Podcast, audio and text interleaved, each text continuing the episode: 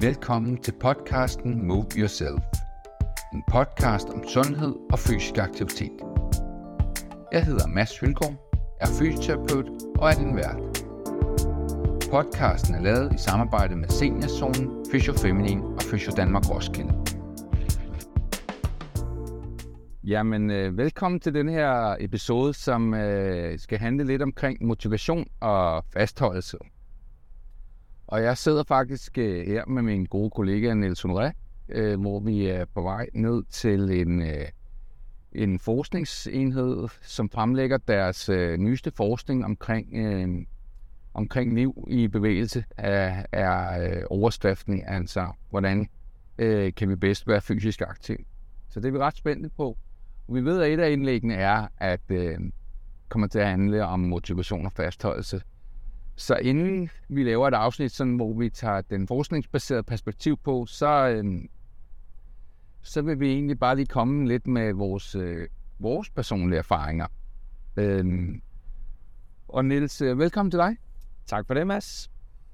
Ja, du øh, arbejder til daglig i Fysio Danmark Roskilde som fysioterapeut og arbejder rigtig meget med fysisk aktivitet. Så du ser øh, jo mange af, at de her patienter, der kommer ind og mangler motivation og måske har svært med det her fysisk aktivitet til daglig. Kunne du ikke bare lige prøve at introducere lidt øh, om dig selv og til det?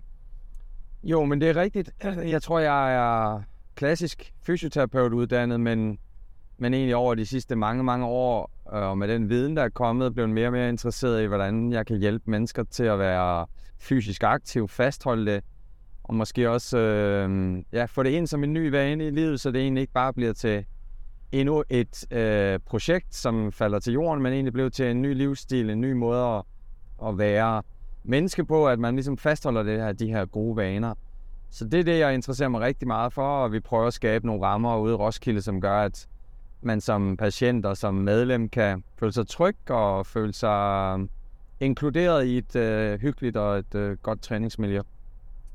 Ja, så sagde du jo lidt selv, fordi at øh, inden vi skulle snakke lidt om vores erfaringer, så ville jeg, så ville jeg egentlig have spurgt dig lidt om, uh, hvad er det, der gør, at, uh, at, uh, at medlemmerne og patienterne ud af jer, uh, uh, at det, når det lykkes for dem at være fysisk aktive, men der snakker du lidt omkring trygheden og det, er det er et inkluderende miljø, og, og jeg ved også, du går op i, at det skal være lidt uformelt. Ja, og så, så tror jeg, at vi, vi er meget bevidste om, at humor er en, en, en vigtig del af vores DNA. Øh, de medarbejdere, vi har, kan godt lide at drille hinanden, og vi kan godt lide at, at drille patienterne, eller have, en, have den her uformelle stemning omkring øh, jo faktisk mange gange patienter, som lider af nogle ret alvorlige sygdomme, og, og hvad kan man sige, vi er jo også hjem for alle de vederlagsfri patienter i Roskilde, som jo for eksempel lider af sklerose og, og mange andre sygdomme. Altså vi, vi, vi prøver at skabe et miljø, som er hyggeligt og rart og sjovt at være i. Og det, det tror jeg er noget af det, man skal lede efter, hvis man selv vil ud og, og finde et sted, hvor man kan føle sig tryg. Så tror jeg virkelig, det er vigtigt, at man kan mærke, at det her sted det er rart at være, og der er nogle gode smil, og, og som jeg også siger, øh, hvis man også lige kan flirte lidt, uden at det, uden at det går galt, så, så tror jeg faktisk på, at, øh, på, at, man kan, øh, at man kan træne, og man kan have det rart i et træningsmiljø, og måske også komme igen og igen. Ikke? Spændende. Og ensomhed er jo også et stort parameter nu, hvor det, øh, det er noget af det, et, et fysisk træningsfællesskab øh, det kan. Jeg arbejder jo med det, meget med det digitale træningsfællesskab, og det, det her med, øh, med, det skal være lidt sjovt og uformelt, det kan måske nogle gange være lidt svært igennem det digitale, men nogle gange, når vi optager video, optager video, og jeg snakker med instruktøren om, at det behøver sikkert at være perfekt. Medlemmerne kan godt lide at se, at du engang man laver en lille fejl, eller du måske også engang man lige har en skemang, du skal, du skal ømme ja. dig over, når du laver en bevægelse. Det, det er ligesom pointeret, det er helt okay. Ja. Så det der med, at man får følelsen af, at man, man er inkluderet, og man, man kan være med. Men øh, Niels, det her, det kunne vi jo snakke langt om, og det skal heller ikke være for lang en episode, det her. Så, så jeg havde egentlig sat den her episode op med, med henblik på, at, øh, at vi begge to ligesom kunne komme med sådan tre, øh, tre ting, som virker for os. For jeg tror også, det er vigtigt at sige, at det er vidt forskelligt, hvad der virker. Så du har snakket meget om sådan noget med, at, øh, at øh, det hjælper dig, hvis du kan hjælpe andre. Kunne du ikke prøve at sige lidt mere om det? Jo, men jeg tror faktisk, at det tager udgangspunkt i, at man har en personlighed. Øh, vi, vi er jo vidt forskellige personer. Jeg fandt ret hurtigt ud af, at jeg er, hvad kan man sige, jeg, jeg trives rigtig godt ved at være omsorgsfuld og opmærksom på andre, og kan godt lide at lave overraskelser for mine børn og for min kone. Jeg kan godt lide at, at være den, der ligesom, kan man sige, bestemmer på den måde, men jo også tager initiativ til nogle ting. Og jeg tror, at min personlighed og det grund til, at jeg er fysioterapeut, det er jo også, at jeg, jeg elsker at hjælpe andre mennesker. Og det fandt jeg faktisk ud af, at hvis jeg ligesom skal ud og være fysisk aktiv, så, øh, så og, og min egen røv, den har jeg egentlig ikke så stor opmærksomhed på, men, men jeg, har, jeg har faktisk rigtig meget opmærksomhed på, hvis der for eksempel er en kammerat, der bliver syg, øh, hvis der er en, en ven i omgangskredsen, som er igennem et behandlingsforløb, jamen så, så tænker jeg hele tiden, hvad kan jeg gøre for ham? Måske var det en god idé, at han kom ud og fik gået en tur i dyrehaven. Jamen så arrangerer jeg det rent faktisk. Altså det sker rent faktisk. Jeg får det gjort. Og så får jeg jo faktisk en fantastisk god tur også. Så, så, og, jeg, og det er det samme med, når jeg, når jeg finder på, at vi skal spille tennis, jamen, så finder jeg måske også en kammerat, som trænger mere til tennis, end jeg trænger til tennis.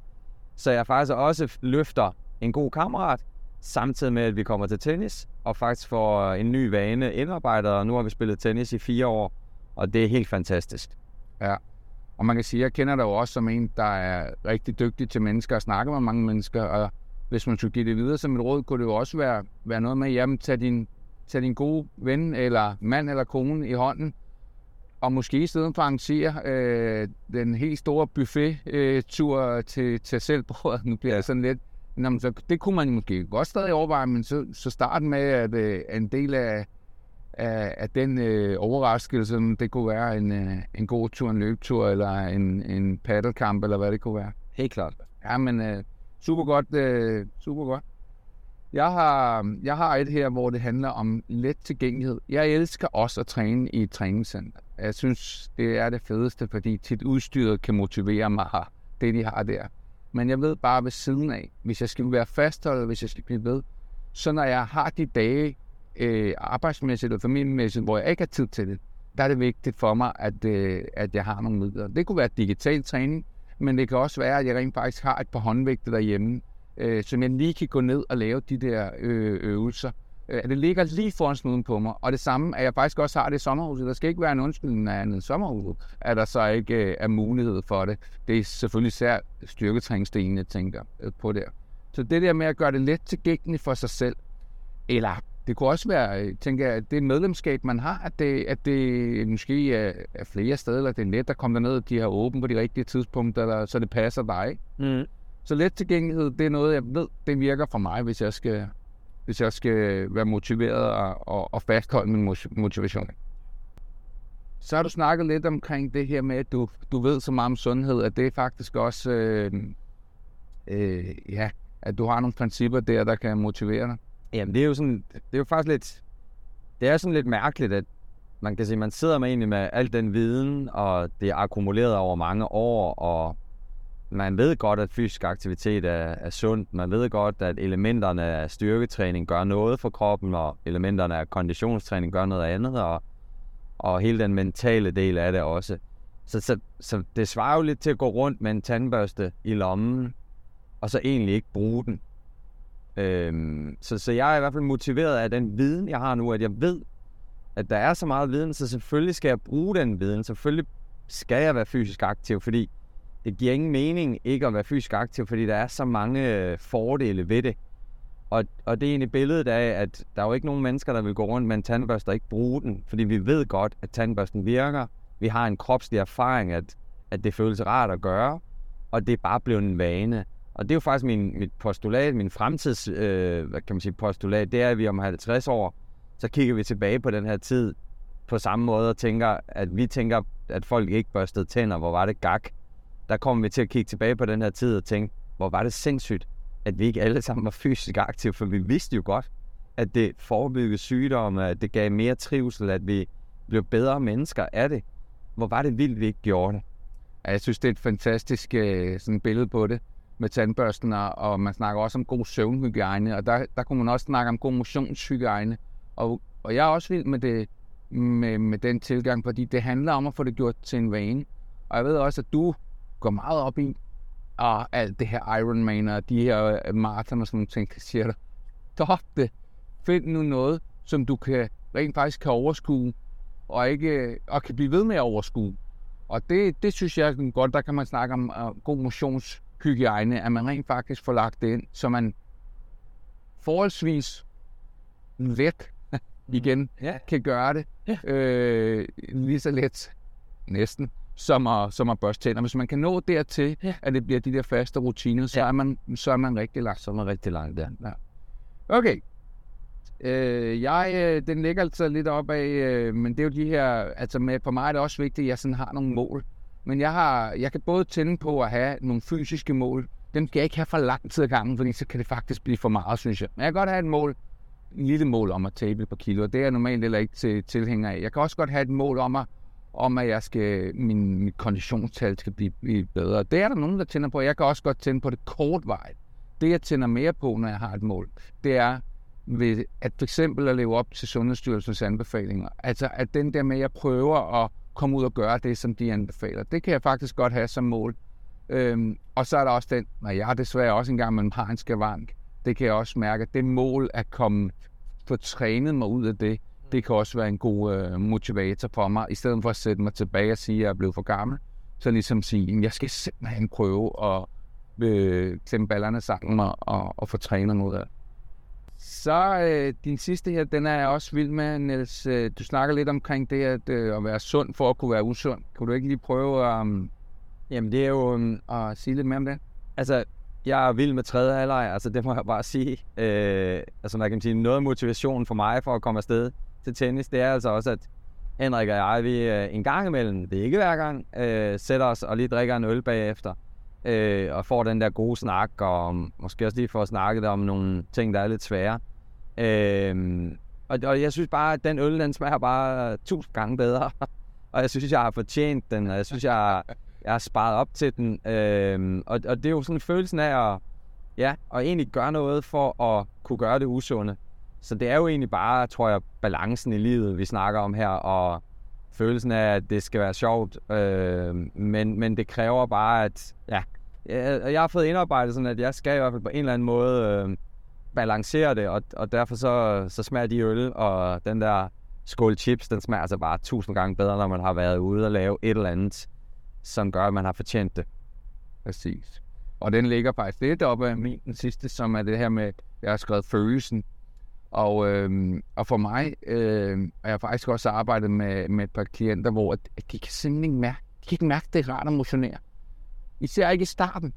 Det der med at få brudt den der underste cirkel. Men når du så først mærker, at du faktisk bliver lidt stærkere, eller du kommer i lidt bedre form, så føles det rart. Og det er ikke altid, det føles rart. Man har alle sammen dårlige dage, hvor man bare tænker, åh, motion.